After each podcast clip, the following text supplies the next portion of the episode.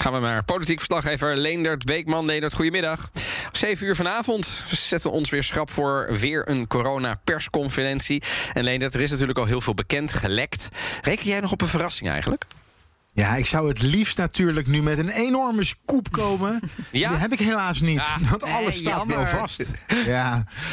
Nee, we weten eigenlijk al wat er gaat gebeuren. Hè. De lockdown zoals we dat nu kennen, die komt eh, tot een eind. Vrijwel alles mag weer open. Eh, tot 10 uur. Dus ook de horeca, evenementen, cultuursector. Doorstroomlocaties gaan weer open. Hè, musea, ehm, dierentuinen, pretparken.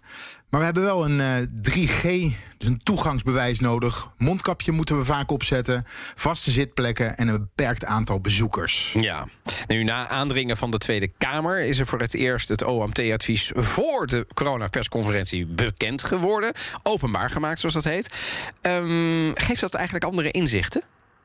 Ja, we wisten natuurlijk wel wat het OMT geadviseerd had, maar dat geeft toch wel andere inzichten. Het is fijn om te lezen waar dat advies dan op gebaseerd is. In eerste instantie met eh, Omicron was er gerekend met, eh, in, modellen met cijfers die we kenden van de Delta-variant. Nou, dat bleek niet helemaal te kloppen. Dat is nu aangepast. Nou, bij het Omicron weten we nu dus dat er minder IC-opnames zijn. De lichtduur is korter. Ehm, en daardoor kunnen we wel gaan versoepelen. De ziekenhuisopnames gaan toenemen. Dat zal vergelijkbaar zijn met de Delta-piek zoals we die gezien hebben in december.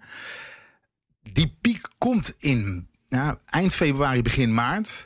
En wat we gaan zien is, we hebben nu al record aantal besmettingen, maar die zullen, de, die zullen absoluut gebroken gaan worden, want er gaat een enorme toename komen aan het aantal besmettingen dat er eh, per dag geregistreerd gaat worden. Hey, Leonard, eventjes over dat OMT-advies. Want eh, Donatello zegt net ook, na aandringen van de Tweede Kamer... maar je hoorde het ook altijd van de journalisten... dat ze het graag ook vooraf echt wilden hebben.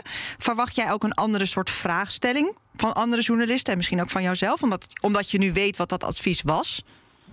Ja, je kan heel specifiek kan je, eh, kan je vragen gaan stellen. Ja. Dus ik verwacht wel dat er op een andere manier vragen gesteld gaan worden. Want normaal gesproken krijg je een kwartier van tevoren eh, officieel de versoepelingen. En dan moet je ook maar tijdens de persconferentie horen waar dat dan op gebaseerd is. En dan word je een beetje door overvallen. Ja. En dat is nu dus niet het geval. Je kent de cijfers, je weet wat het advies van het OMT eh, was. Je kan ook lezen dat ze eigenlijk geadviseerd hadden om eh, tot acht uur open te blijven. En waarop dat dan gebaseerd is. Dus dan wordt het ook makkelijker om vragen te Ja, en stellen. transparant. Gerichter vragen te stellen. Ja. Ja. De GGD's hè, die zijn op dit moment eh, enorm belast. Zitten aan de maximale testcapaciteit. Eh, en dan is natuurlijk de vraag: ehm, is er genoeg testcapaciteit om dit uiteindelijk op te gaan vangen? Ja, het, is, het is nu eigenlijk niet meer te doen voor de GGD's. Ehm, ik vertelde gisteren al dat eh, bij de opvang van mijn dochter zijn er tien medewerkers besmet. Dus mijn dochter zit nu ook in quarantaine. Ja. En daar probeer ik al twee dagen, dus sinds gisteren, dus nu v- zo'n 24 uur een afspraak voor te maken. Onmogelijk. De enige, afspraak, de enige keer dat ik erdoor kan, sinds twee, kon ik een afspraak maken in Utrecht op woensdagavond om kwart over tien. Nou, dat vond ik geen goede optie. Dus toen dacht ik, ja, dan gaan we maar eens bellen. En dat is tot, tot- nee, dat vond ik wel onhandig met een Ja, tweejarige. Eh, maar het is nog steeds niet gelukt om een testafspraak te maken. En het is een enorm probleem. Er is een labcapaciteit van 150.000 eh, tests die ze per dag kunnen doen. En ze zitten gewoon aan de max. Stichting Open Nederland, die nu verantwoordelijk is voor testen voor toegang, die gaat nu bijspringen. Ja, en dan denk ik meteen: oké, als ze dat dan gaan doen. ehm, met die versoepelingen die aangekondigd worden voor dat corona-toegangsbewijs. Komt dan dat dan weer. Hè, komt dat niet in het, in het, in het gedrang? Ja, want dat, dat is een hele logische gedachte. Want dat testen voor toegang is natuurlijk voor een groot deel bedoeld voor mensen die ongevaccineerd zijn. Ja. En een, eh, een toegangsbewijs nodig hebben. Voor 3G. Die zich daarom moeten laten. Ja, voor 3G. Ehm, dus je zou dus verwachten dat op het moment dat zij de GGD moeten gaan bijstaan, dat ze dan ook weer problemen krijgen. Omdat ja, er zit de maximale capaciteit ook bij hen. Maar volgens Ernst Kuipers is dat niet het geval. Als ze straks de coronatoegangsbewijzen breed inzetten, dan komt dat erbij. Maar daar is capaciteit voor. Dus die stichting Open Nederland heeft heel veel capaciteit. Die eh, wordt nu maar heel beperkt gebruikt. De coronatoegangsbewijzen voor het sporten, maar voor het over maar heel beperkt gebruikt. Die zetten we dus allereerst in additioneel voor hulp aan de GGD. En als de coronatoegangsbewijzen breder gebruikt worden, is daar nog steeds reservecapaciteit voor. Nou, dat is enigszins geruststellend. Uh, nu snel opschalen, zou ik zeggen. Um, je hoort steeds meer geluiden dat we richting het eindstadium nu gaan van de pandemie, hè, van de wereldwijde pandemie. Um, kortom, corona, dat wordt gewoon een griepje. Is dat ook het geluid wat je in Den Haag hoort? Ja, dat geluid hoor je heel veel. Zowel in de Kamer, maar je hoort het ook van wetenschappers, artsen. Je leest het uh, in de kranten, je hoort het bij ons op, op, op de zender. Dus we hebben ook Ernst Kuipers daar even naar gevraagd. Dit is niet een griepje. Uh, ook als je kijkt alleen al uh, in de afgelopen winter, uh, waarbij we ondertussen ruim waren met een vaccinatiecampagne en daarna nog weer een boostcampagne, zijn er echt enkele tienduizenden patiënten alleen al zo ziek geworden dat ze ziekenhuishulp nodig hadden. dat zijn echt grote aantallen. Dus het is niet een griepje en het is niet zomaar weg. Het zijn echt grote aantallen.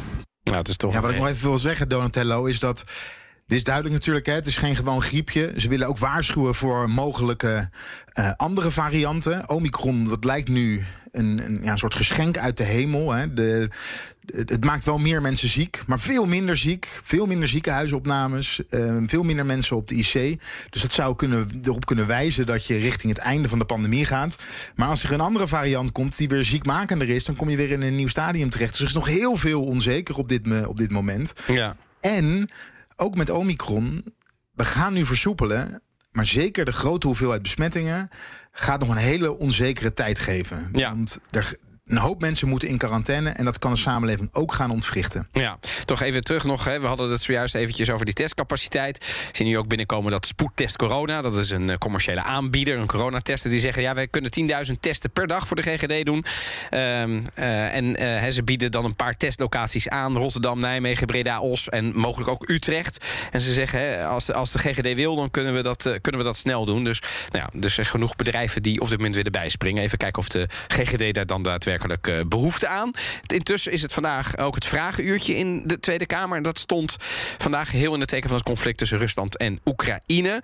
Um, dat is natuurlijk een beetje een lont en een kruidvat. Is de Kamer een beetje gerust op de goede afloop daar? Nou, zeker niet. En al helemaal niet als je luistert naar de woorden van SP-Kamerlid Jasper van Dijk. De Koude Oorlog is helemaal terug, inclusief een nodeloze wapenwetloop.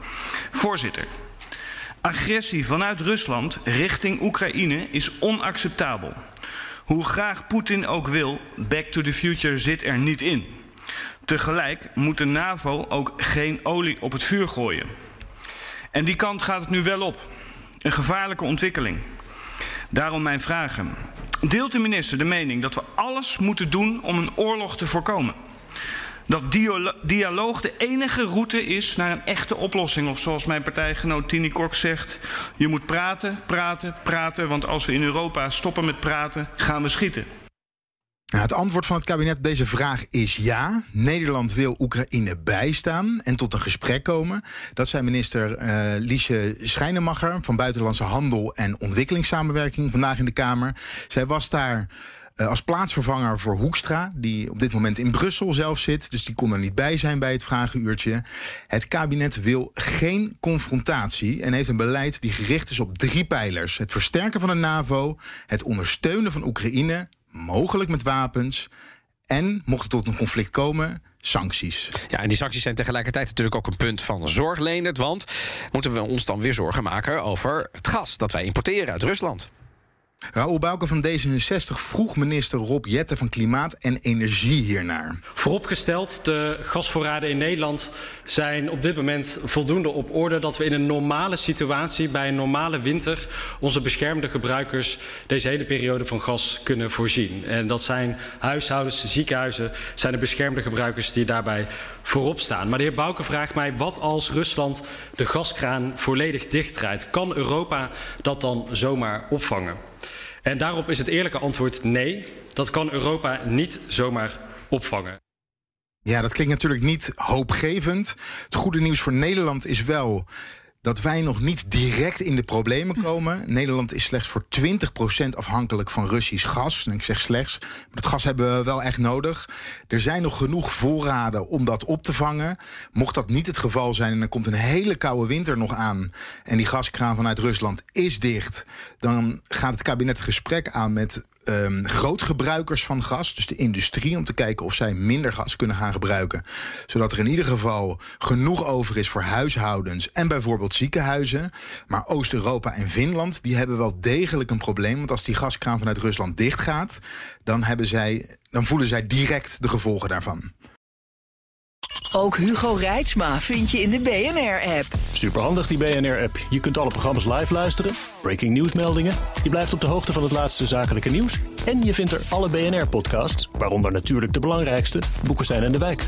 Download nu de gratis BNR-app en blijf scherp.